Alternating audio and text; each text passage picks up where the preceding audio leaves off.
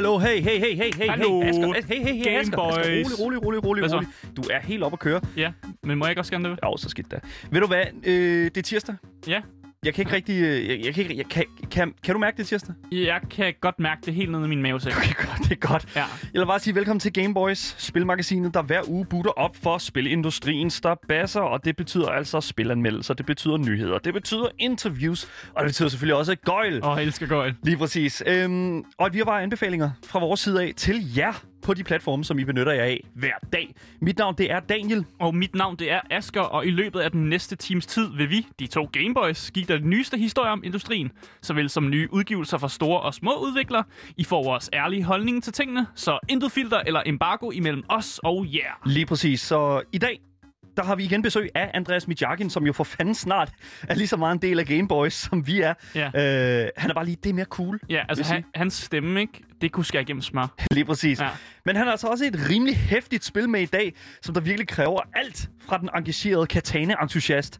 Øh, det bliver intenst. Det kan jeg i hvert fald love jer alle sammen for, at det nok skal blive. Mm, men ikke nok med det. Vi har også en øh, brætspil øh, anbefaling line op øh, og i dag, og det er jo faktisk, for, faktisk fordi, at øh, du ikke har tvunget mig til at spille dårligt spil i dag. Jamen, jeg tænkte, du ved hvad, du har brug for en pause. Du, Ja. Sidste gang, da du havde sådan rande under øjnene, og, og ja, og, ja, jeg, så, jeg, så, jeg så ud, som om jeg var prøvet. du, havde, du havde din sko omvendt på, Ja. Og det, det er der, hvor jeg ved, okay, nu er det helt galt. Jeg kan også mærke, at jeg, jeg, har bedre, jeg er i bedre humør i dag, netop fordi jeg ikke skal, jeg har spillet de her lortespil. Ej, hvor er det Øh, godt. Hvor er det dag, godt at høre. I, men i dag, der skal vi altså sætte vores øh, rumtropper ned på ørkenplaneten Arrakis for at finde det mest værdifulde stof i rummet, nemlig det her mærkelige spice.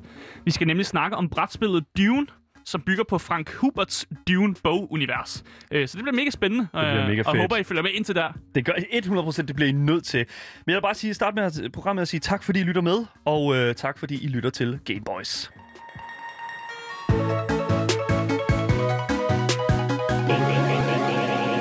Boys. Først så skal vi dog have nogle nyheder, Woo! og vi skal snakke lidt om Ubisoft. Øh, det kan vi, det, baby! men, nok ikke på den måde, Daniel gerne vil. Oh.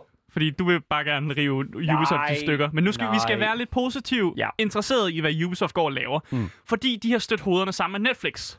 Øh, og så tænker man sikkert, hmm, hvorfor har de det?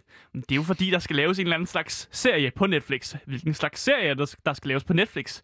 Jamen, det er jo en Assassin's Creed-serie. En Assassin's Creed-serie. Ja, ja, ja. Oh my god. Altså, vi ved ikke, i hvilket omfang de har tænkt sig, at- det her serie skal foregå, eller hvad fanden det overhovedet kommer til at handle om. Det eneste, vi har fået, det er en lille, lille teaser, teaser-trailer, som dog spiller øh, SEO's Family, som er en af de sange, som øh, den danske Jesper Kyd faktisk har været været med til at lave.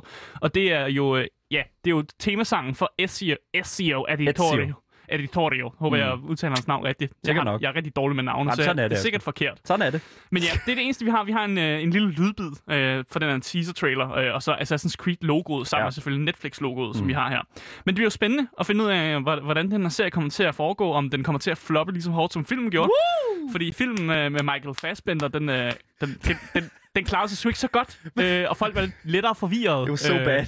Øh, øh, og den gik også no, no, under radaren for nogen. Jeg kan se, Andreas han rynker lidt på næsen. Jeg tror ikke har aldrig nogensinde han har hørt om, der har været en Assassin's Creed-film. Så But there was. Aller, allerede der har vi jo et problem, kan yes. man sige. Øh, men altså, jeg har bare tænkt mig at spørge dig, Daniel. Mm. Hvis nu de laver, fordi vi, vi har jo hørt den lydbid fra SEO's ting, så Ja, jeg tænker, man. det, det bliver ham, vi kommer til at følge. Det håber jeg. Hå, altså, nu tager jeg sølvpapirshatten på, ikke? Jeg tror, det er ham, vi kommer Ej, til at hvis følge. ikke man gør det, mand. Altså, herregud. Ja. Men jeg vil så sige en ting, og det er, at det er altså gået rigtig, rigtig godt for Netflix, og de her sådan samarbejde, som de ja, har det lavet. siger du ikke. Nej, nej, men altså et eller andet sted, altså lad os bare sige som for eksempel Witcher. Altså jeg ved godt, Witcher ja. er, jo, er jo først og fremmest en, en bog, en Mm. bogserie. Men Witcher er jo en franchise, som folk kender fra, altså i hvert Ja, fald, vi gør fra mig, jeg kender ja. i hvert fald fra spillene. Mm. Øh, og det tror jeg, der er rigtig mange, der gør. Og Netflix-serien klarer sig jo fandme sindssygt godt med Henry Cavill, der spiller Mm. Geralt of Rivia. Og altså jeg tror bare et eller andet sted, at med, med det rigtige Ligesom, altså Netflix har bare bevist, at de kan finde ud af at producere serier, Mm. som kan noget. Mm. Altså inden for den her kultur her. Øh, de kan forholde sig til, øh, altså meget, meget konstruktivt til noget øh, sådan source material, kildemateriale. Og jeg tror også bare, det fungerer bedre som serie end som film. Fordi Ja. der er så meget... Det er så stort et univers, Det og er der er det. så mange sådan meta te- metasteder i Assassin's Creed-historien, at en film, det, altså, det er bare ikke nok tid Nej. til at fortælle alt det, der er i det. Men jeg har tænkt mig også at spørge, hvem, øh, hvem kunne du se som en god skuespiller til at spille SEO? Øh, hvis du ikke har et bud, så, så har jeg nogle øh, bud klar. Jeg, jeg vil faktisk, jeg vil faktisk våge påstå, at... Jeg, altså, nej, faktisk så vil jeg sige, at... Øh, sådan, ja, nu, okay, hot take, men Ja. sådan Rami Malek. Uh, det, altså, det er sgu... fra, det fra er- øh, ja. Mr. Robot. Ja, Altså, jeg, jeg kan bare sådan se ham et eller andet sted. Altså, mm. han har fysikken, han, han, har skal, sådan... han, skal, skal han ikke buffe lidt mere op? For jeg synes, Jo, jo. Ezio, han er, han er en af de, de buff øh, Men øh, altså, det er jo, assassins. det er jo the, the, the det er actor, rigtigt, actor life, kan man sige. Ikke? Det er Ja. sådan, det hænger sammen. Af en eller anden grund, så kan jeg forestille mig Hugh Jackman. Hugh Jackman. ja. Hugh Jackman. Ja. Ja, gør det. men, men igen, Ezio er jo... jeg ved det godt, men man ved det ikke, give altså, alle sådan er en det- accent, jo.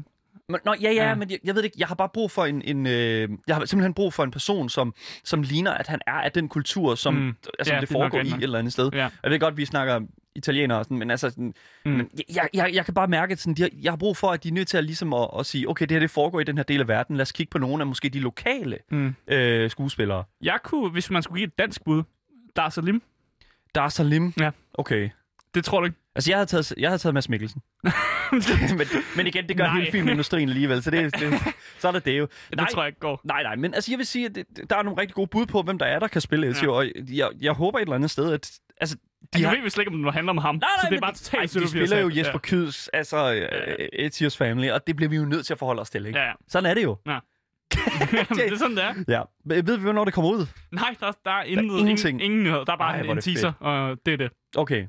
Det er long way Ja. coming, garanteret. Ja, det er det.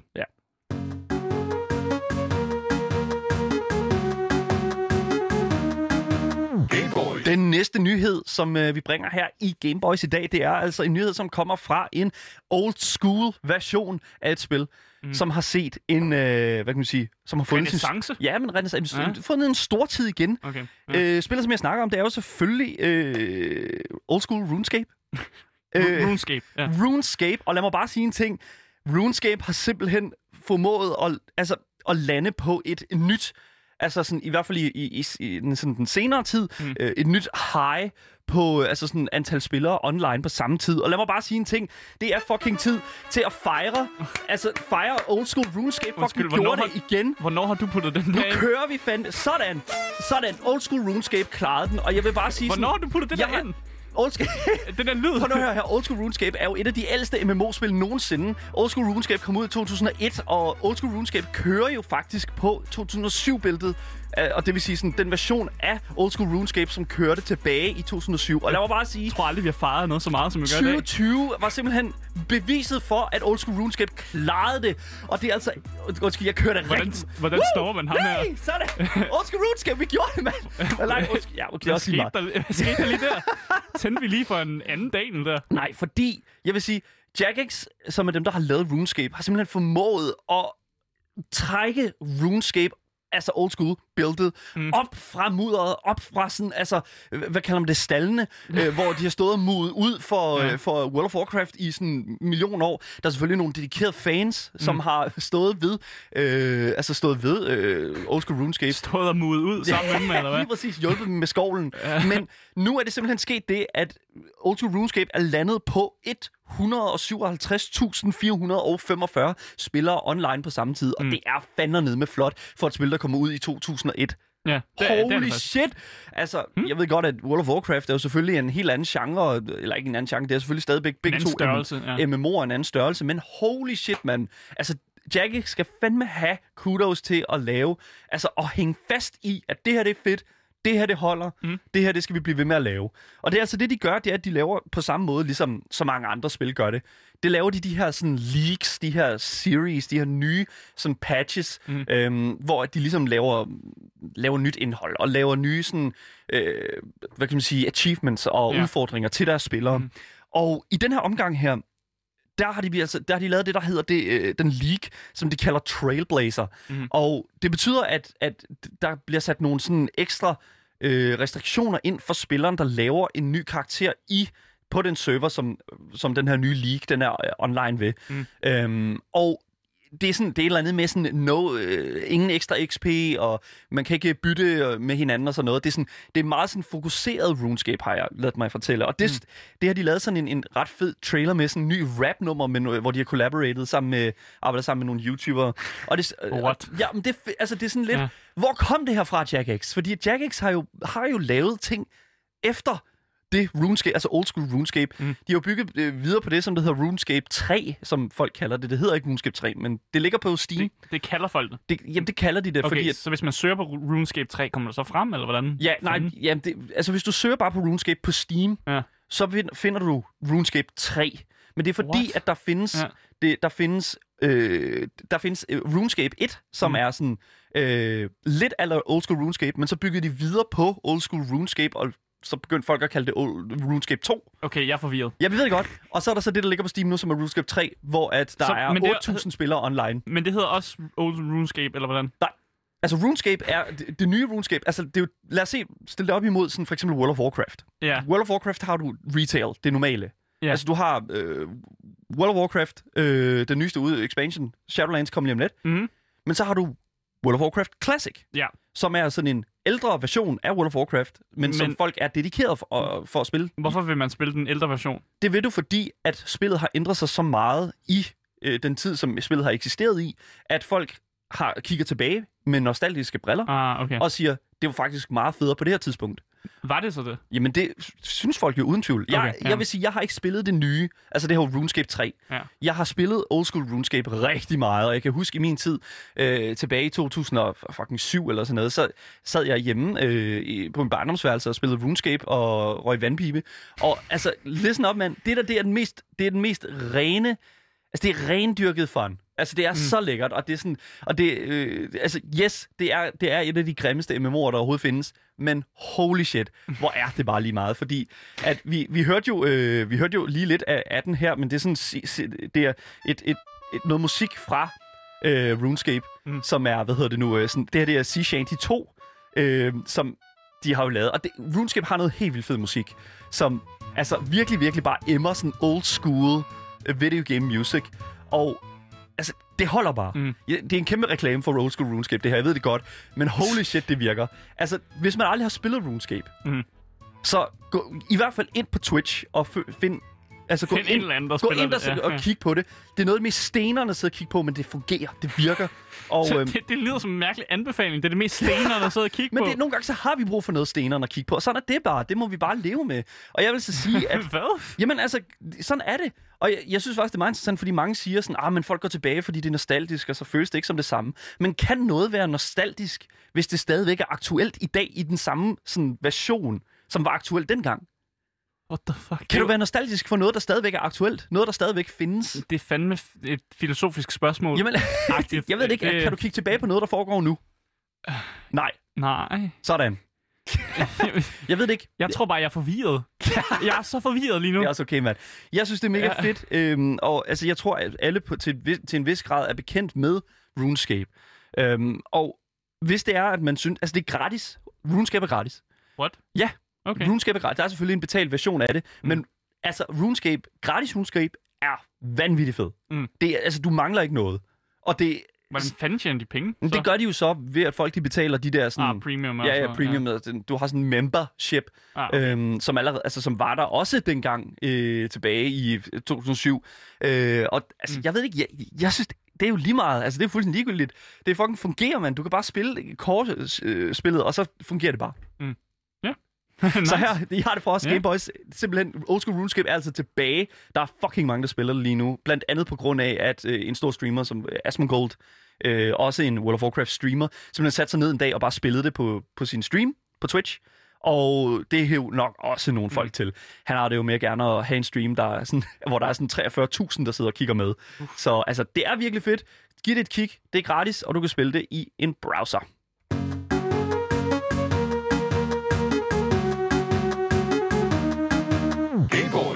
Du lytter til Gameboys her på Loud med mig, Daniel. Og mig, Asker. Vi, øh, øh, jeg kan jo lige så godt sige det med det samme. Den, bedste del af ugen. den bedste del det af ugen, det er 100 procent. Det er den bedste del af ugen. Det er 100 procent. Fordi Ja. vi har nemlig dig, Andreas Mitjakken, med i studiet. Hej. Hej, hej. Og Velkommen til. Altså så dejligt Jo, tak, med dig. Det er så skønt. I er så søde.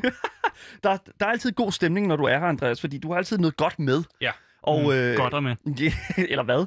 Men Jo. altså, jo, fordi at, altså, et eller andet, An- Andreas, lige super hurtigt, sådan ja. I forhold til sådan, vi snakkede jo sådan lidt øh, her i forhold til sådan triple I, øh, industrien. Sådan, du ved, det var noget, vi talte om i et tidligere program, Ja. hvor vi snakker omkring sådan, det modsatte af altså de her store øh, indie, indie-udviklere, mm. for vi snakkede om Frictional Games i går, Ja. øhm, som lavede Ja. Amnesia, Ja. øh, som laver Amnesia. Og vi, vi kom bare i tvivl om, uh, om Frictional Games, om det er et indie-studie. Øh, fordi det er jo, det er jo et svensk, svensk lavet spil, og det er jo altså et mindre hold, der laver det. Men de har jo lavet nogle virkelig store titler. Altså Amnesia-spillene er jo store. Soma, som også øh, k- er kommet ud før. Øh, Ja. Amnesia Rebirth. Jamen, titler kan jo Kæmpe sagtens stor. være store og stadig være indie. Okay. Øh, vi, jeg tror, vi, det vi snakkede om meget var, at øh, hvis holdet bag er, er, er småt, så de Mm. alle sammen ligesom har den samme vision, og, og det er måske øh, få mennesker, der står for samme øh, ting, så, øh, så kan det godt... Så, så er det indie, mere eller mindre, ikke? Okay. Mm. Jeg Og tror kan bare, det vi, godt vi, vi kaldte det sådan triple, triple I. Det synes jeg også er fantastisk. Ja. Altså, Ja. fordi det er jo det er en flydende overgang, øh, og det spil, vi skal snakke om i de dage, har der kun været en eller to med på. Så, Mm. så det er meget småt. i hvert fald. Fantastisk. Jamen altså, lad os da bare grave os direkte ind i det. Hvis det er sådan, I synes, at det lyder meget interessant, hele det her Triple I-fænomen her, så tror jeg, vi har snakket om det et par gange nu. Øh, led igennem tirsdagens program, mm. øh, programmer. Vi, øh, vi er ret gode til sådan at, at smide det op. Ja. Men Andreas, i dag der har vi jo lidt en, en, en, en anden hastighed på, synes jeg, end vi har haft. Øh, det sidste, uge, sidste uge, der snakkede vi omkring øh, øh, Hotline, Hotline Miami. Miami. Der, der er fandme et tryk på. Der var tryk på. Ja. Ja, men, Men det smager lidt øh, deraf Ja. den her gang også, Ja. faktisk. Hvad, er det, hvad er det, vi skal snakke om i dag? Vi skal snakke om uh, Askisofts, en af deres nye spil, som hedder Katana Zero.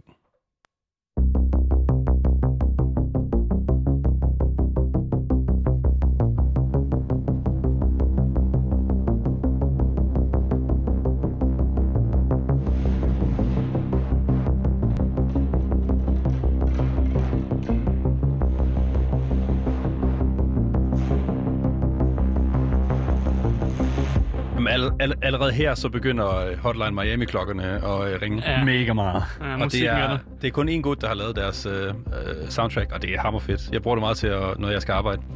Så sæt mig ned og fokusere. Så Så det, det passer vildt godt til spillet. Det nummer, vi hører lige nu, det er det, det nummer, der hedder bare Katana Zero OST version, og det er altså produceret af en, der hedder Ludowick. Ja. Øhm, men der er altså også en anden producer på øh, Katana, som hedder Billy.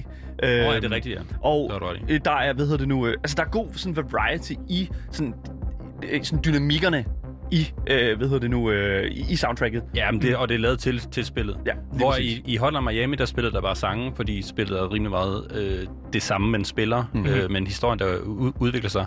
Det kan det også godt være her, egentlig. Det minder rigtig meget om Hotline Miami på, på, på den måde, men det, Mm. det passer meget bedre, fordi historie er en kæmpe del af, af- af det her spil. Mm. Øhm, Altså, hvem har lavet spillet? Jamen, det har øh, Askisoft og en gut, der hedder Justin Stander. Så de Men- er ikke et, øh, et, et firma som sådan? De er bare under deres navne, eller hvordan? Nej, det er, øh, det er et firma. Askisoft. Øh, Men er, Askesoft. Okay, ja. jeg troede bare, det var et navn. Nej, nej, nej. Det hedder øh. Askisoft. Jamen, I don't know. Men det er, jo, øh, det er jo published af Devolver Digital, som vi jo har, Ah. har haft ind over et par We're gange. back at it again. De kan godt lide den der slags spil, og det kan jeg også godt. de fisker dem bare. Det gør de. Yes. Det gør de virkelig. De gode Nå. fiskere. Men, Men altså- hvad, altså, hvad gør, altså et eller andet sted, altså hvad er det for en, øh, hvad er det for en genre at spille det her? De kalder det selv for et neo-noir action platformerspil. Jesus, Er det er det- fandme noget af en mundfuld. Okay, Ja. hvad? Neo-noir. Neo-noir, det er fordi, Ja. vi er i fremtiden. Vi er et eller andet sted, øh, hvor der har været en eller anden krig, og man, nu er vi i et land, der hedder New Mecca. Og New Mecca er inddelt i tre øh, sådan boroughs Hmm. for de rige og de mindre rige, og så de ikke så rige. Mm. Og vi befinder os ude i den sidste del. Altså, Der. den, den ikke, ikke ja. den fattige. Ja, der er farligt, ja. der er ikke så godt. Nej, øh, meget fattigdom og meget vold og kriminalitet, tænker jeg måske. Lige præcis. Okay, Men, og du kan ikke gå mellem boroughs. Du skal limiteres ind til de, øh, ind, øh, til de inner circles. okay, og hvad, men hvad går det her spil så ud på? Altså, Jamen, hvad, hvad? du er en sort, øh, eller en katana-wielding øh, swordsman. Du, Okay. Og du er en assassin. Du bliver øh, hyret til, eller du arbejder for et eller andet firma, som giver dig nogle kontrakter i form af sådan nogle filer, Mm. mm. og så skal du ud og, og nakke folk. Og du skal helst ikke stille for mange spørgsmål om det. Sådan. Så- igen, allerede Hotline Ma- stadig ja. på Hotline Miami. Præcis. Det er altså sådan uh, præmissen et eller Jeg andet vil også sted. sige, at mit yndlingsvåben i Hotline Miami, det er sgu en katana. Så øh, der er meget... Hey. What the fuck? Der er meget øh, lighed her. Men altså, øh, heldigvis også, fordi det starter i en medias res, altså det starter i midten af det hele, du Ja. ved ikke en skid. Mm. Så du vågner bare op, og heldigvis for, for dig, eller historien, eller karakteren, så har øh, karakteren har øh, memory loss. Du kan ikke huske Ah, noget. amnesia, ja. Sådan. Det passer jo meget godt til øh, historien. Så du vågner bare op, du får den her fil, siger du, nu skal du ud og nakke ham her gutten. Du læser filen, brænder den, og så tager du ellers bare afsted. Øh, det, som du kan, som er lidt specielt, som, øh, som gør dig til, øh, til den her super assassin, det er, at du kan manipulere tid. Så, What? Sådan. så du kan, du kan sådan, du, du er sådan lidt precog. Øh, man kan, altså, har- Pre hvad? pre- precog, du har Okay, sådan forklar. Kom igen. precognition, det Nå, er, okay. at du kan se øh, ind i, i, hvad hedder det, fremtiden. Okay. Okay, fair Så- enough. Ja. Så du går over til øh, en eller anden dør, og så, så øh, udspiller du ligesom hele det her scenarie i hovedet. Ah. Og det vil sige, hvis du så dør, så var det bare den vej, han ikke tog. Så, så, så re, re, rewinder hele spillet ligesom, og så starter du en, en gang til. What? Det er jo fuldstændig Mm. vanvittigt godt tænkt. Ja, det er mega fedt. Når du, når, når du så har løst øh, levelet på en eller anden måde, du synes er nice, øh, så, så trykker du, ja, det, den, det kører. Og så står der sådan en, yes, this should work. Mm. Og så, så får man et replay af, hvordan man har øh, gjort det, men uden at man har brugt alle de her, øh, hvad hedder det, time-slowing abilities, som man Ja. også har. Så man får den bare ud i sådan en køre. Ja. Og det går eddermame stærkt. Fordi han er, han er rigtig hurtig. Oh, det minder lidt Det om, øh, om, hvis der er nogen, der nogensinde har set Sherlock Holmes-film med Robert Downey Jr., Ja. øh, der er de gode til at, at, øh, at lave sådan en del af det, hvor det er sådan, at han, Sherlock Holmes han siger, hvad han vil gøre, og så er det i slow motion, han gør det, Ja. og så bagefter så gør han det bare. Ja. Discombobulate. Ja, ja det, det, Det, det er kunne rigtig god godt mene også. om... Øh, om ja. det, det, det giver god mening her også. Ja. Øh, og du, du samler alle mulige ting op, øh, åbner og lukker døre, kaster med granater, og øh, så har du øh, som en aktiv ting, når du Mm. spiller, så har, kan du slå tid ned til at lave de her meget, meget tricky ting, for du kan deflecte bullets. Øh, med Det kræver, du... du katana. Ja, Det kræver, det- at du, du, du, du trykker attack, når den her bullet kommer. Wow. Mm. Og det er, når du ikke bruger din slowdown-tid, øh, ability, Okay. så er den der bullet der bare, det er bare en streg, altså. Så det, Mm. mm. det går, du, du slår tid ned sådan virkelig meget. Damn. Øh, men, Men du hvor- kan godt, og det har jeg gjort øh, mange gange, øh, skal jeg lige sige, at du, Man- du tager lige støv af Damn. skulderen der. man, man kan godt deflekte bullets uden at bruge den her. Øh, det kan godt lade, lade sig gøre, og det Okay. er ret fedt, når man gør det. Og hvordan, nu, jeg, jeg er blevet til spørgsmål, hvordan gør man så det? Ja, man, skal bare, man skal angribe med sin katana, altså lave sådan et slash øh, forward, når Ja. man ligesom øh, tænker, at den her bullet, den, nu, nu er den der. Ja.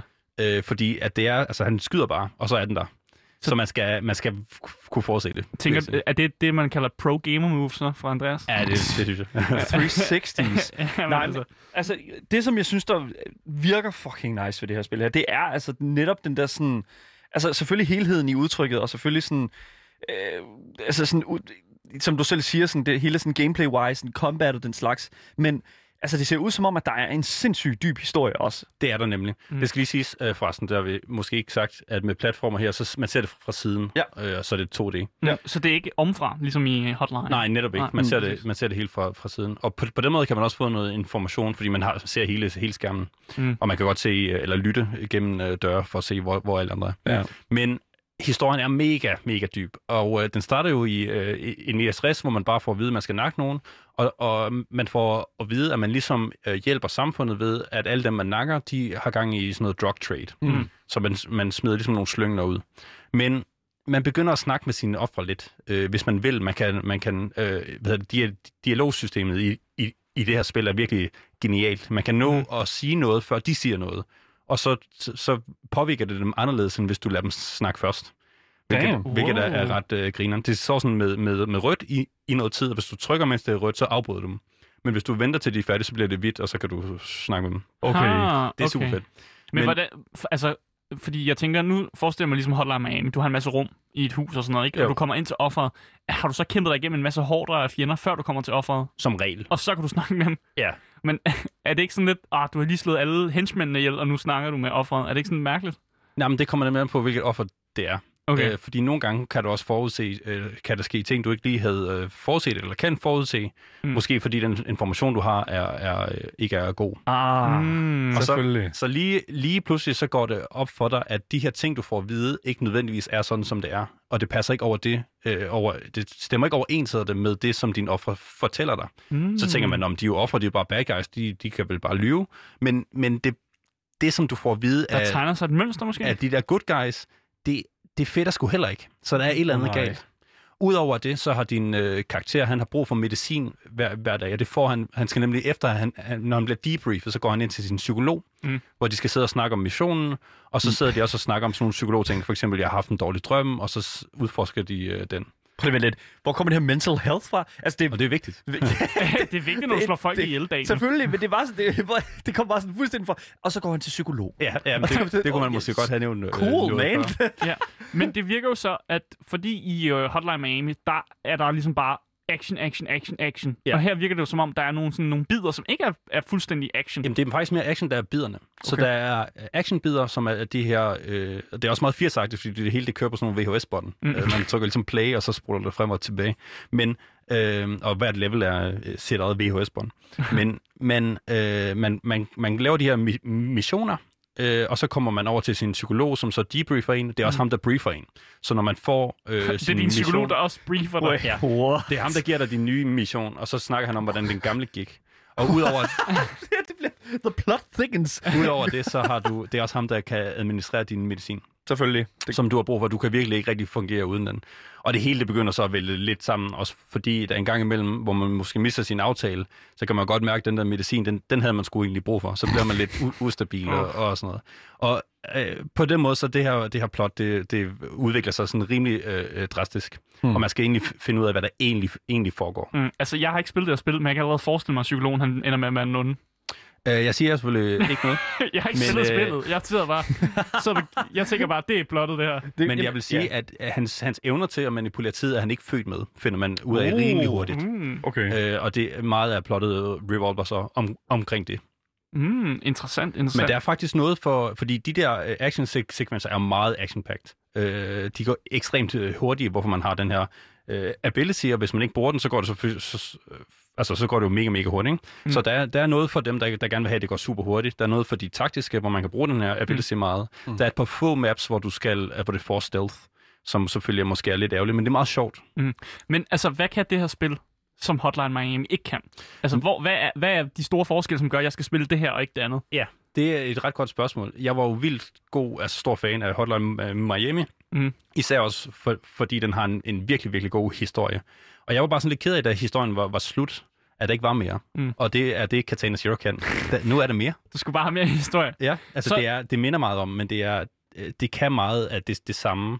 Men det er, jeg tror, det her det er mere taktisk. Mm. Det er mere sådan noget, okay, hvordan kommer jeg igennem det her? Jeg har måske spillet den samme bane 250 gange, for, fordi, men, men det går hurtigt, når du dør, så kommer du ved, altså så starter du forfra. Mm. Og hvis du dør ved den første henchman, altså så, så går det sgu meget øh, stærkt. Ja, så kommer du i gang igen med det samme. Men Ja. det er jo Hotline Miami også. Der går du også ind Jo, og men Hotline tiden. Miami kan de, øh, der, der er der lidt forskellige øh, randomness omkring, hvad for nogle våben, der ligger Ja. og sådan noget. Her, det, det bliver måske en lille bitte, uden at sige, sige for meget, så bliver det, eller uden at, at sådan putte en label på, en lille bitte smule puzzleagtigt, fordi Mm. øh, du skal i, i, igennem den her bane, og du kan, du kan gøre det på mange måder, men de starter samme sted, der er de de samme våben hver gang.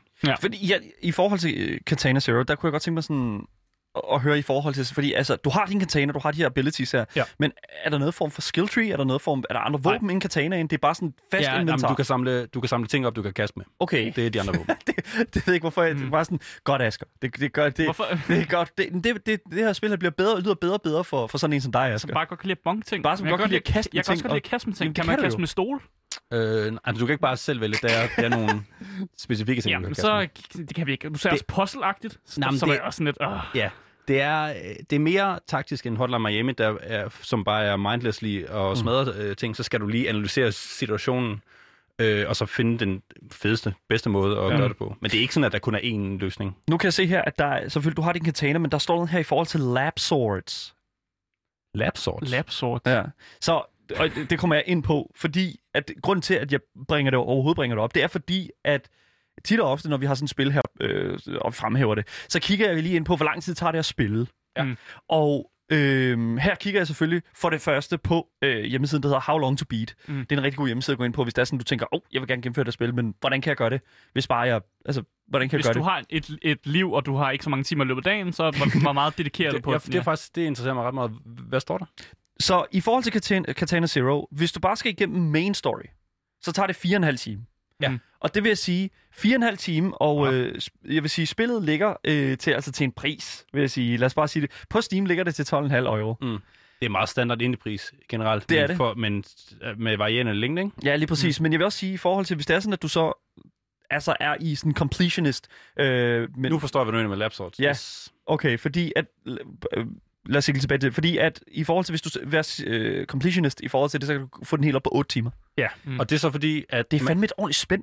Ja, det er det, men det er fordi, jeg, jeg spillede det på 5 timer, så 4,5 er ret godt. Ja. Øh, især fordi jeg er lort til de fleste spil. Hov, hov. Love it. Jeg døde rigtig mange gange. Men, øh, Men øh, når man så har, har gennemført, øh, så op, så unlocker man selvfølgelig speedrun mode og mm. hard mode. Ja. Udover det, så kommer der noget, men, og det har noget med historien at gøre, men uden at, at afsløre for meget, så får man adgang til noget, der hedder The Labs.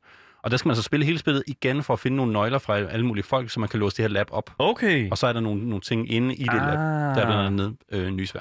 Okay, fordi, Åh, jeg, oh, fordi det, cosmetics. Yes. Fordi, og grund til, at jeg bringer det op, det er altså fordi, at når jeg kigger på tid og sådan, så kigger jeg også lige sådan, så kigger jeg jo på speedrunning communityet. Altså det, altså det fællesskab, der ligesom er omkring at spille et spil så hurtigt som overhovedet muligt. Mm. Og øh, der er jo selvfølgelig folk, der er speedrunner, fordi jeg kigger på det spil og tænker, fuck man, det her, det er speedrunner-spillet. Jamen det er det også. Der er en dedikeret speedrun mode. Ja, så jeg sidder, nu kigger jeg her, altså du har, der er selvfølgelig normal og hard, øhm, og nu kigger vi bare sådan i forhold til spiller på normal, speedrunning, og øh, kun bruger den normale katana. Der er verdensrekorden, den ligger på 15 minutter og 40 sekunder. Ja, så er jeg langt væk med mine fem timer. Men det er jo det, altså, Hvad jeg, fan? det synes jeg, jeg synes, jeg synes, det er så Er- vanvittigt interessant sådan noget. Er det så, fordi man går igennem spillet uden at slå tid ned? Fordi jeg vil lige du sige, du godt kan kunne. afslutte spillet mega hurtigt, fordi der er en uh, alternative ending, som bare slutter spillet. Som oh, ikke okay. er considered canon. Hvis man tager den, så kan du slutte det væsentligt før. Det kan Okay. godt være, at de har benyttet den. Nej, fordi hvis det er sådan, vi så kigger på i forhold til lab sorts, og hvis vi så slår den op på hard, så, så, så ser det en lille smule anderledes ud. Hvis du så sætter den på hard og bruger lab sorts, så er verdensrekorden, den ligger altså på 50 minutter. Stadigvæk rimelig vildt, vil jeg sige. Andreas, det er okay. Det er, okay. det er helt okay. Jamen, jeg bliver aldrig uh, speedrunner nummer et. Har du spillet på easy der? Hvis Jo. det overhovedet er en... Jamen, normal. Normal. Normal, dude. okay. Man unlocker hard, når man har gennemført det. okay, fair, fair, fair. Men jeg kan godt lide, at- jeg kan godt lide tanken omkring speedrunning. Jeg synes, det, er- jeg synes, det er super interessant, det her med sådan at, at, at, at virkelig bare gå ind, kigge på et spil, og så bare sige, det her spil her, det skal jeg bare altså min-maxe over, altså alt, hvad jeg overhovedet kan. Også fordi det er så optimeret til det. Altså, Ja. ja. det er, man føler sig virkelig fucking sej, når man, når man laver de her ninja moves. Ja. Øh, og fordi det, det er sådan noget med at reagere og, og, og gøre ting øh, hurtigt, hvor et Hotline Miami, det er sådan lidt tilfældigt, hvor ting spawner og sådan noget. Der, der er det bare sjovt. Så hvilken type spiller er det, der skal spille det her spil? Det er sådan lidt en blanding, faktisk. Det er mm. lidt en blanding af Hotline Miami-folkene, og så dem, der rigtig godt kan lide Super Meat Boy. Hvad? Super Meat Boy. Okay, det kom bag dem, på. der, dem, der, der bare virkelig skal... skal Præcisionsarbejde. ja, Øh, arbejde. præcis, Præcisionsspillerne, ja. ja. ja, lige præcis. Så det er en blanding af de to. ja det, Folk, der måske har spillet begge spil og godt kunne lide dem.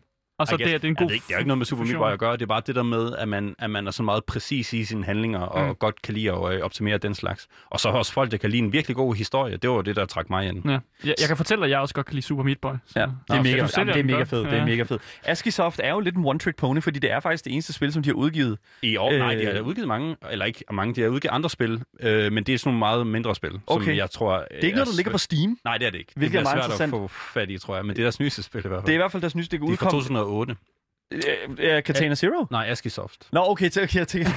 Katana Zero er fra Old 19. stuff. Nej, fordi Askisoft, øh, eller Katana Zero, det udkom 2019. Ja. Øhm, og jeg vil faktisk sige, at det er faktisk virkelig, virkelig pæne anmeldelser, folk de, øh, de har givet det. Det ligger jo både på Steam her selvfølgelig på computeren, men ligger også på Switch. Ja, Switch øhm, det også, du kan se. Mm. Ikke på mo- mobilen. Det vil være et, en helt anden hest, tror jeg også. Det vil også være lidt voldsomt, Men vildt folk ikke har det? spurgt efter det inde på deres sådan, frequ- frequently asked uh, questions, og de har sagt sådan, ah, det, det tror jeg ikke. When is it coming out? Ja, nej, det er der ikke nogen planer med. Der er rigtig, rigtig mange, som... Øh, altså, for det første, Destructoid har givet det 9 ud af 10. Øh, og altså, det, der er bare sådan virkelig, virkelig god stemning omkring Katana Zero. Ja, Og- det er også en, altså, det er en meget god pakke jo. Ja. Altså, det er god historie, det er fedt uh, gameplay, og så også noget for speedrunnerne. Og, Men det, men det tager jo kun de der fem timer. men det, Det er, jo, det er jo meget lidt. det er gode fem timer. Og det er jo selvfølgelig også det. Det er ikke timer. kvantitet, det er øh, kvalitet, og det, Okay. det skal vi altså være fortaler på her for, ja, øh, på det er vi, Gameboys. Det er vi. Fordi at, altså, det skal vi sætte ned med at holde fast i. Øhm, hvis det er, at I lige skal opsummere det hele, så har vi altså lige anbefalet Katana Zero, øh, på, som ligger på Steam og Switch. På Steam ligger det altså til en pris på 12,5 euro. Tak fordi du øh, lige gav os en øh, anmeldelse her. Selv tak.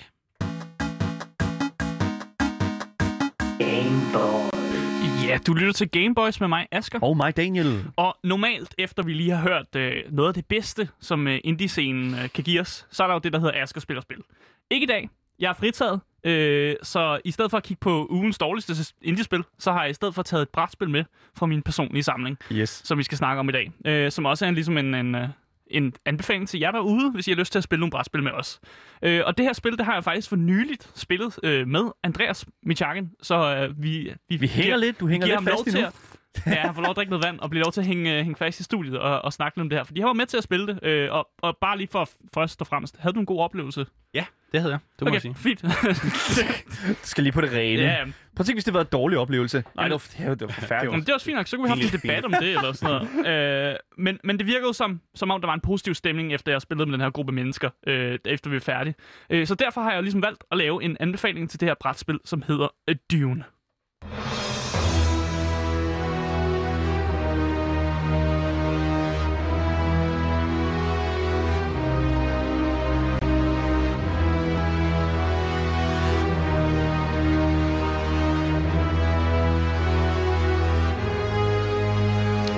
Ja, så den øh, musik, vi hører her, det er faktisk til soundtracket til Dune-filmen fra øh, 1984 af David Lynch.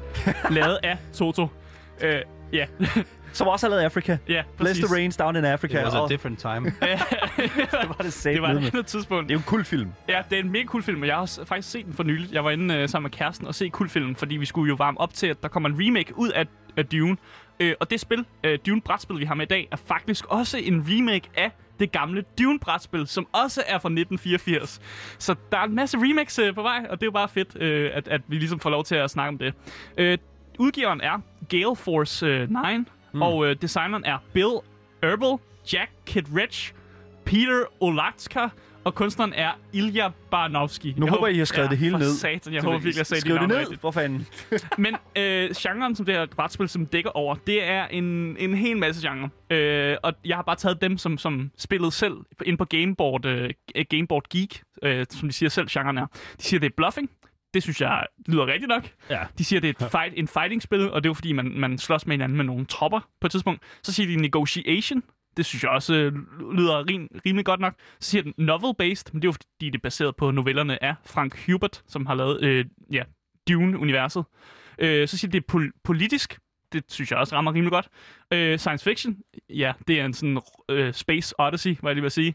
Øh, og så wargame, ja, det er vel et, et slags krigsspil af en art. Så jeg synes, de her genrer, de dækker ret godt øh, efter, hvad, hvad spillet egentlig går ud på. Men hvad går spillet ud på? Altså, det bygger på, øh, som sagt, på Frank Huberts bøger om Dune-universet. Øh, og i det her univers, der findes der et stof. Og det her stof, det bliver i spillet kaldt Spice. Det hedder mel- Melange. Melange. Melange i, øh, i bøgerne, men øh, i, i spillet bliver det bare udtalt som Spice. Øh, og man får ikke rigtig at vide, hvad det hedder andet end Spice. Øh, men det her, finde, det her Spice, det findes kun på den her ørkenplanet i det her univers, som hedder Arrakis. Øh, og udover at der er det her Spice på Arrakis, øh, så findes der også øh, altså, det barske terræn, øh, og de her kæmpe store orme, som hedder Shaihulut. Øh, de har nogle lidt mærkelige navne til mange af de her ting. Øh, Hele, hele Dunes univers er meget med underlige... øh, Ja, navne. underlige navne. Så udover at du selvfølgelig skal øh, igennem det dødelige terræn og undgå de her orme, øh, så skal du også kæmpe mod alle de andre fraktioner, som også gerne vil have fat i det her spice. Fordi det her spice, det er jo, som sagt, det, altså, helt klart det øh, vigtigste ressource i universet. Mhm. Fordi de bruger den her spice til at gøre rumskibsrejse muligt. Øh, og det er jo derfor, det er så vigtigt. Og der er også nogen, der er lidt høje på det. Øh, det er også sådan et, et, et, et drug af en art, som man kan øh, sidde og sniffe eller spise. Det er sådan, eller det sådan kan noget. manipulere tid på den måde. Eller sådan. Det kan manipulere tid, og det er hele den der med rumspa- øh, rumrejse med, at det kan lave sådan nogle, øh, der er sådan nogle, der, øh, der sniffer det, og så kan de danne de her ormehuller, der er den her rumvæsen race, race, der sniffer det og danner de her wormholes, som gør, at man kan rejse hurtigere til forskellige steder. Du har noget, Jeg, du tror, jeg tror faktisk på et tidspunkt, at jeg øh, skulle lave noget i køkkenet, som havde brug for det der. Øh, En opskrift med opskrift. Ja, en opskrift, ja, lige præcis. Men jeg, Ja. jeg kunne ikke finde det. Nej, Så ja, det- så du kommer ikke til at rejse i tid. Det, det, det, Nej. det er Må det- du bare til... svensk pølseret, Arrakis hvis folk vil lige- vide det. Så. Ah, ja. ja. Okay, men bare lige for at vende tilbage. Sp- Altså, spillet går i sin simpelste form ud på at få, kon- få kontrol over Arrakis, som er den her ørkenplanet, og derved ligesom få kontrol over den her spice mineproduktion. Øh, og hvordan gør man det? Øh, det gør man i spillets simpleste forstand ved at få fat i tre strongholds. Øh, der er fem strongholds på mappet, og hvis du får tre af dem, øh, så vinder du.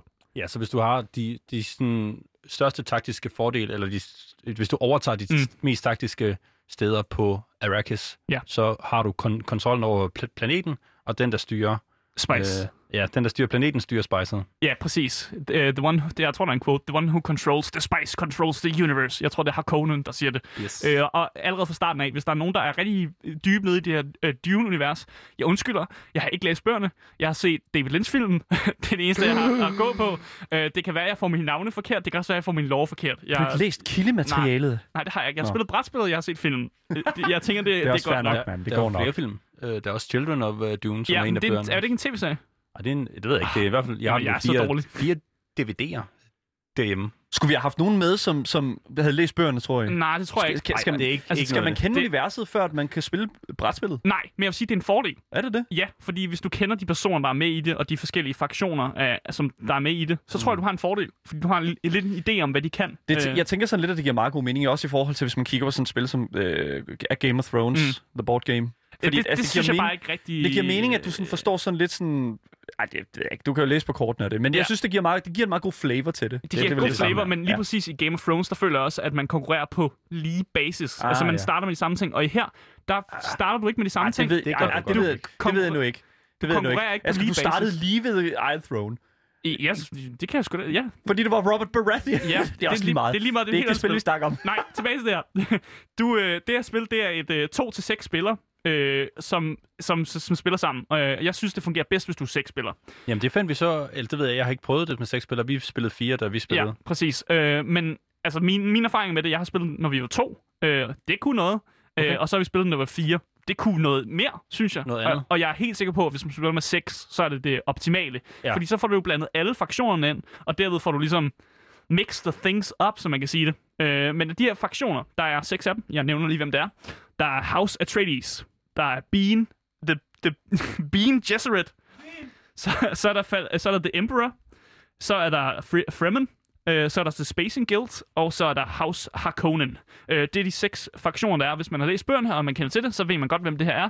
Øh, og vi skal nok også, vi dykker ned i den, når vi snakker om gameplayet, hvad de her fraktioner kan, og hvad der sådan special abilities er. For det der er, det er, at de har nogle forskellige øh, abilities, som gør, at de kan nå nogle forskellige mål, og, og lettere vinde spillet, vi ligesom den specielle ting, de er gode til. Øh, men overall tanker om øh, Dune, øh, det er egentlig, at som sagt, det fungerer bedst, hvis du seks spillere. Øh, og det er helt sikkert et spil, som skal spilles igennem et par gange, før du forstår det rigtigt. Øh, fordi det har sådan en, en mærkelig kompleksitetgrad. Altså, det er nemt nok at forstå i sit basisspil, og nemt nok at komme ind i, men der er bare nogle detaljer og nogle, sådan, nogle regler og nogle usikkerheder, som gør, at du bliver nødt til at spille igennem sådan to-tre gange, før du faktisk får sådan, det hænger fedt og kan spille et ordentligt spil, øh, hvis man kan sådan sige det med quotation marks, et ordentligt spil. Øh, hvis man øh, ikke har styr på, hvordan man, øh, man taktisk spiller i en fraktion, øh, så får man faktisk også en virkelig god spilleplade øh, med, hvad, når man vælger den fraktion spiller. Så hvis man spiller vælger Atreides, så får man sådan en lille plade med, som er pissegod, og jeg, har, jeg har, synes ikke, jeg har stødt på mange andre spil, som giver det. Øh, men de giver en plade med, hvor der står, det her er sådan, du vinder som den her fraktion. Det her er det, du skal gøre. Så den siger bare til dig, gør det her, det er godt, fordi det er det, du er god til. Men giver det ikke en form for fordel for, dem, altså for de andre, som har spillet spillet før? Lad os sige, at Andreas har spillet det før, og du Mm. spillede det med Andreas. Så Men- ved han, hvordan du skal vinde. Jeg tror Jo, helt klart, de gør noget det. spil ville være bedre for nogen, der har spillet det før, hvis du spiller det mod nogen, som aldrig har, har spillet det Ja, før. de har Ja. erfaring med det. Men, men klart. det, de her ting er jo åbne. Altså, hvis du har lyst til at se taktikken for et andet, øh, en anden fraktion, så kan du læse den. Altså, det er jo ikke, fordi du ikke må læse den. Så du kan godt finde ud af, når Fremen, det er sådan nogle, de kan bare godt lide at lave suicide-missioner. Fordi Fordi jeg vil nærmest bare anbefale, at man læser det op faktisk, så Ja. ja. alle ved, hvad man, hvad, man, hvad man kan og hvad Ja. man Ja, Det er så man forhindrer hinanden, fordi øh, nogle gange kan man godt være sådan lidt, hov, måske skulle vi ikke lade Harkonnen købe alle de her kort, eller måske skulle vi lige passe på, at de her ikke gør det her, sådan nogle ting. Øh, fordi så kan man også samarbejde. Fordi spillet går jo også ud på, at man kan få lov at danne alliancer, øh, og det er også en ting, vi kommer ind på, når vi kommer til at snakke om de her mange, mange faser, som er i, er i spillet her. Øh, men lige for at komme ind i gameplay, fordi det er jo det vigtigste af det, og det er også det, vi skal igennem, fordi ellers så synes jeg ikke, det er særlig godt øh, board game review, hvad jeg vil sige. Skal jeg tale om spillet, ikke? Ja, spillet, ja. spillet har en opsætningsfase, hvor man ligesom placerer sine tropper øh, og får uddelt noget spice. Det giver rimelig meget mening. Man placerer sine, øh, sine tropper ned på den her spilplade, som er Arrakis, den her øh, øh, ørkenplanet. Øh, øh, så bliver der nogle traders, der bliver uddelt, fordi det hele Dune-universet går ud på, at der er en masse forrædere for de andre hold. Øh, og man får en forræder hver. Øh, dem, der hedder Harkonnen, de får lidt flere forrædere, fordi de er sådan nogle, der er rigtig gode til at backstep andre. Ah, Men det er sådan noget med, at øh, jeg får nogle kort, som er en forræder, som øh, hvis nu Daniel var med i vores spil, så kan det være, at det er nogen, du har på hånden. Så når du spiller dem, så kan jeg sige, nej, det er en forræder, jeg vinder. Ha, fuck dig. Ja. Det er mega fedt. Det får man i, starten af spillet. Men ellers så fungerer spillet i ni faser, øh, som så gentager sig selv. Øh, så det, det er rimelig let at forstå. Ja, Du, du skal ikke grine. Undskyld, det er bare sådan... Og spillet foregår i ni faser. Ja. Ja, men sådan, okay. nogle af faserne er sådan lidt selvkørende. Det, Okay. De er meget små. Okay, ja, fair nok. Fase 1 for eksempel, det er en storm. Øh, der er en storm på Arrakis, som rykker rundt. Ja. Øh, så i, i fase 1, der er det bare storm, der rykker sig. Okay. Hvis du spiller med dem, der hedder Fremen, øh, så kan de se, hvor stormen, altså hvor meget storm rykker sig. Ah. Og så kan de ligesom sådan, øh, bruge det til deres fordel og sådan ting. Så er der fase 2. Øh, det er der, hvor der er noget Spice Blows, og det, der hedder Nexus, der kommer. Øh, det er et øverste kort af sådan, det, der hedder et Spice Stick, som så bliver vendt. Og det er alt det her Spice, som så kommer ud et sted på kortet. Det vil sige, det er der, man skal hen. Man skal hen og få spicen. Det giver en god mening. Så det er der, alle spillere, de, de rusher hen mod det, mod det første spice-sted, for at ligesom få fat i den.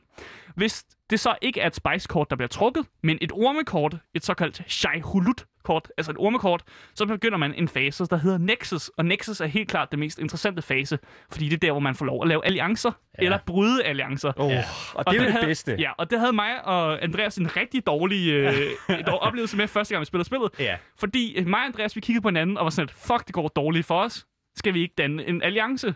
Det skal lige siges, vi spiller fire mennesker, Ja. så der var to, der ikke var i en alliance, som så bare kunne sige, Nå, så gør vi det da også bare. Ja. Og det gik væsentligt bedre for dem. Ja, det er jo fordi, de to andre, de, de havde gode placeringer. De startede lidt bedre, end vi gjorde. Okay. Og vi tænkte jo, at vi, har, vi klarer dårligt. Vi har nogle ting, vi kan, øh, vi kan bruge hinanden lidt her. Så vi gik i alliance, men så tænkte de to bedste, det er sådan, der klarede sig bedst i spillet, tænkte, men så går vi også bare i alliance og vinder spillet.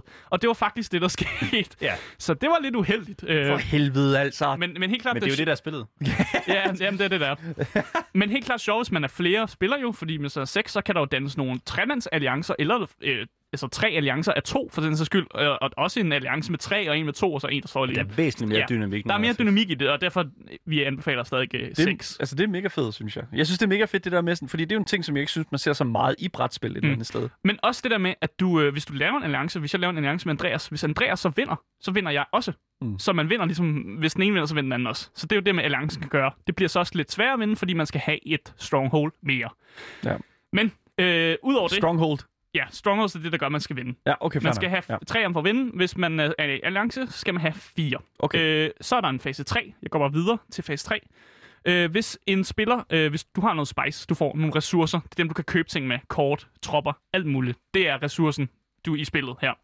Hvis du øh, er nede på 0 eller 1 spice, så får du noget spice. Du får noget velgørenhed, hedder det. Ah. Ja, det er fordi, du er en fattigrøv, så her er noget spice, så du rent faktisk kan købe et eller andet. Det er så lidt, at du låner fra banken i Matador, ikke? Ja, ikke, Ikke så rigtig. godt, nej, men vi er sådan et, fuck, du klarer lort, du har brugt, hvorfor har du brugt alle spice hernede? Så det er Bare det er bare det. Ja, det- fase 3 er bare Det er sådan, en, hvis det går rigtig skidt, så er det sådan en, nu kan du godt komme tilbage. Ja, præcis. okay. Så har du fase 4, som også er interessant. Det er en bidding war. Øh, der er nemlig en masse kort øh, med siden nedad, som sådan kommer ind. Øh, og så skal der bydes på dem med spice. Mm. Sådan nogle items. Ja, det er sådan noget, der hedder treasury cards. Og det er sådan noget, man bruger, når man er i kamp med hinanden. Det er sådan noget, der gør, at man kan dræbe den andens leder, eller man kan beskytte sig selv. Og nogle af dem kan også nogle sådan helt tredje ting. De er meget vigtige. Det er nogle vildt vigtige kort, så hvis man ikke har sådan nogen, så skal man altså til at fat i dem. Og det gør man ved at lave den her bidding war, hvor De kan Andrea- virkelig vinde en hel battle. Ja, så det er sådan noget med, at Andreas siger, jeg byder en, jeg byder to, og så går man egentlig bare rundt, indtil man har fundet ud af, hvem der byder højst. Mm. Øh, og man vil helst øh, sørge for, at det ikke er Harkonnen, øh, der får kortene, fordi Harkonnen, de får flere treasury cards, når de vinder en bidding war. Øh, og der, der er nogle forskellige dynamikker, der gør sig gældende her, øh, i de forskellige, sådan, med, med fraktionerne og sådan noget.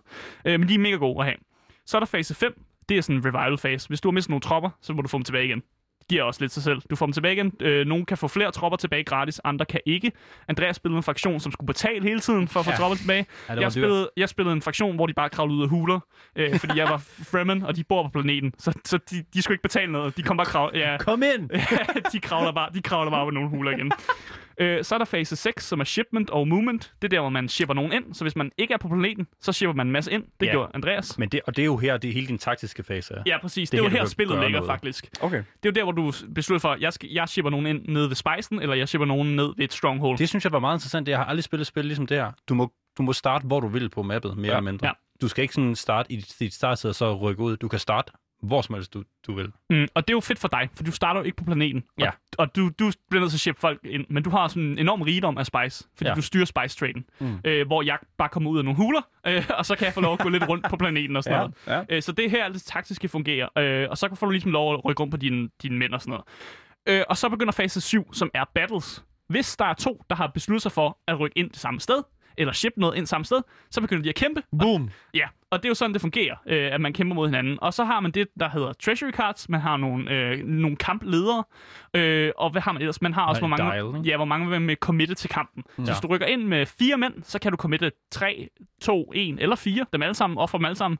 Øh, så kan du lægge en kampleder ned, øh, og så kan du også spille nogle treasury cards. Og det er her, hvor man bluffer helt meget. Ja. Fordi man bruger så sådan et dial til at, og sige, hvor mange man vil have med i kampen. Og man mister altså de her folk, uanset om man vinder eller ej. Mm.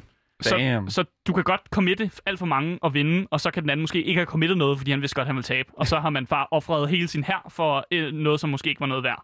Øh, og det er derfor, man kan bluffe hinanden, og man kan også slå hinandens ledere ihjel, mm. øh, og sådan nogle forskellige ting. Og, og mange fraktioner har mærkelige evner, der kan påvirke sådan I nogle kampe. og love sådan noget. it. Ja, det er mega fedt, og, og, og hver kamp er på helt andre præmisser, fordi der er folk, der kan noget forskelligt. Ja.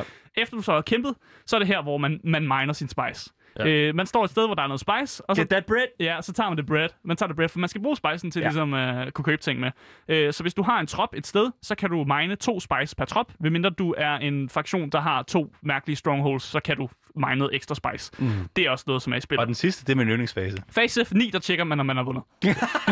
Alright. Ja. Og, og hvis man ikke har vundet, så kan man lige tænke over, at tingene står der. Ja, ja der, står, der står seriøst, om I kan lige tænke over lidt, øh, når man er færdig med fase 9. Øh, så, så det er egentlig bare det, fase 9 går på. Det er Ja. lige sådan, find ud af, om du har vundet, Det er vinderfasen. Ja, det er vinderfasen. Eller det er sådan den der sådan, uh, victory lap ja, i præcis. Mario Kart. Og Ja, så det hvis det man, så hvis man finder ud af, at der er ikke nogen, der har vundet, så går man så bare videre og resetter igen. Okay. Øh, og det bliver man så ved med, indtil man har spillet 10 ture, eller er der nogen, der har vundet. Så det er gameplay. Det er gameplay. gameplay. Det er fandme, og det er jo sådan, hvad kan Ja. man sige, det er meget simpelt, fordi det foregår i de ni runder, og det er det. Ja, Ja, og, det synes mange, og mange af runderne er også... Altså, Storm rykker sig. Du, Mm. Det skal du ikke... Altså, Daniel skal ikke tage stilling Meget til det er det. bare sådan en upkeep, ja. Ja. Ja, upkeep. Og så er det egentlig bare shipment, movement og battle, som er de vigtige faser. Og så bidding. Man bidder lige på nogle kort. Det er også både lugt vigtigt. og smager ligner jo et stort, langt spil. Ja. Men det Ja. var meget kortere, end jeg troede. Måske Hvor- er det, hvor fordi lang vi tid brugte spillede de på fire. Vi spillede jo flere... Øh, Vi spillede tre runder, gør vi ikke? Eller sådan Ja. Ja, hvert, ja, vi, max var på tre runder. Jeg døde på, tur, på runde to i et af, i et af spillene. Mm. Så det var mega hurtigt. Ja. ja. Og det, er, det er jo noget med, at man kan jo, teknisk set er det jo spil, man kan vinde tur 1. Ja. Øh, og der er også Harkonnen, der står, de anbefaler, at man går efter at vinde i tur 1. så der, der er seriøst nogle frak- fraktioner, som Hurtigt det ind er og ud. bare gå, Det er gå også ud noget, og de virkelig kan. Det er jo fuldstændig asymmetrisk. De her factions, de er meget forskellige, Mm. men det er vildt godt balanceret omkring. Nogle er gode i starten, nogle er, er, er klart bedre senere, så bliver det sådan et uh, time race, man som Mm. kører. Hvad er det, der ligger i øh, kassen? Altså, sådan, hvad får du, du? øh, Hvor meget fylder det på et bord? Altså, det fylder ikke så meget. Jeg synes, kassen er ret lille, faktisk. Ja, det er mindre end en, det, vi kalder for en Fantasy Flight standard box. Ja, øh, præcis. Så det er et lille spil. Men det ligner, der er mange elementer til det. Altså sådan, øh, i forhold til Ja, sådan, vi, har, at der... vi har et, øh, et map over Arrakis. Vi Ja. har nogle, sådan nogle skærme, så man ikke kan se, hvor mange penge man har. Selvfølgelig. Vi har nogle kort. Og så viser den også strategien, de her skærme, øh, Ja, der er. Og så fedt. har man en masse nogle kort, battle dials, og så nogle masse tokens, som masse er, er tokens. Der er mange altså sådan, små elementer, som man skal stille op, så mm. der er lidt prepping time. Jeg Ja. synes ikke, det var så, så Setup slemt. er ikke så galt. Nej, det var det virkelig ikke. Nej. Øh, Teardown er endnu nemmere, vil jeg sige. ja, ja, præcis. Det er virkelig kom, flip that table. Altså. altså, de har, altså dem, der har lavet spil, de har vidst, vidst hvordan man laver et godt brætspil. Og de ja. har også taget et brætspil, som eksisterer, og lavet en remake af det. Så de har taget noget, der virker. Det skal også lige sige, at Scaleforce 9 er jo dem, der laver mange af Dungeons and Dragons tingene. Ja, præcis. Så de ved, hvad de laver. De ved godt, hvordan man gør. Øh, Fedt. og s- den eneste, ting, eneste kritikpunkt, jeg har, det er, at der er nogle detaljer i det, som er sådan lidt... Mm, med. Der er nogle detaljer, som bare, de bare simpelthen ikke, øh, ikke ja, har glemt at skrive op. Og så skulle man læse ja. reglerne og google på nettet og sådan noget. Okay. Men det er ikke for, så galt. For at komme en konklusion på det hele, øh, så er der en kæmpe variation over, hvor lang tid det her spil tager. Det kan tage alt fra øh, 15 minutter til 2-3 timer. Ja. Det er virkelig sådan et uh, you don't know. Fedt. Øh, jeg kan anbefale det til folk, som er fan af Dune-universet, eller bare er fan af sådan lidt Game of Thrones, sådan lidt øh, sådan backstabbing, Social backstabbing. social Ja. øh, backstabbing-spil, men også noget, hvor man øh, får lov at samarbejde en del.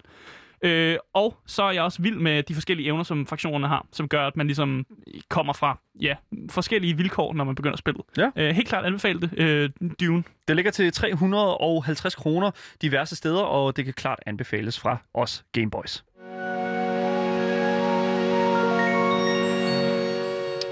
Ja, det var altså alt, hvad vi havde på programmet i dag. Og som altid, hvis I har nogle kommentarer til os, eller hvis I sidder og brænder med, øh, ind med spørgsmål til Andreas, øh, eller ja, også igen, så kan I skrive til vores e-mail, som er gameboys eller kontakte Louds egen Instagram-profil, som hedder radio.loud.dk.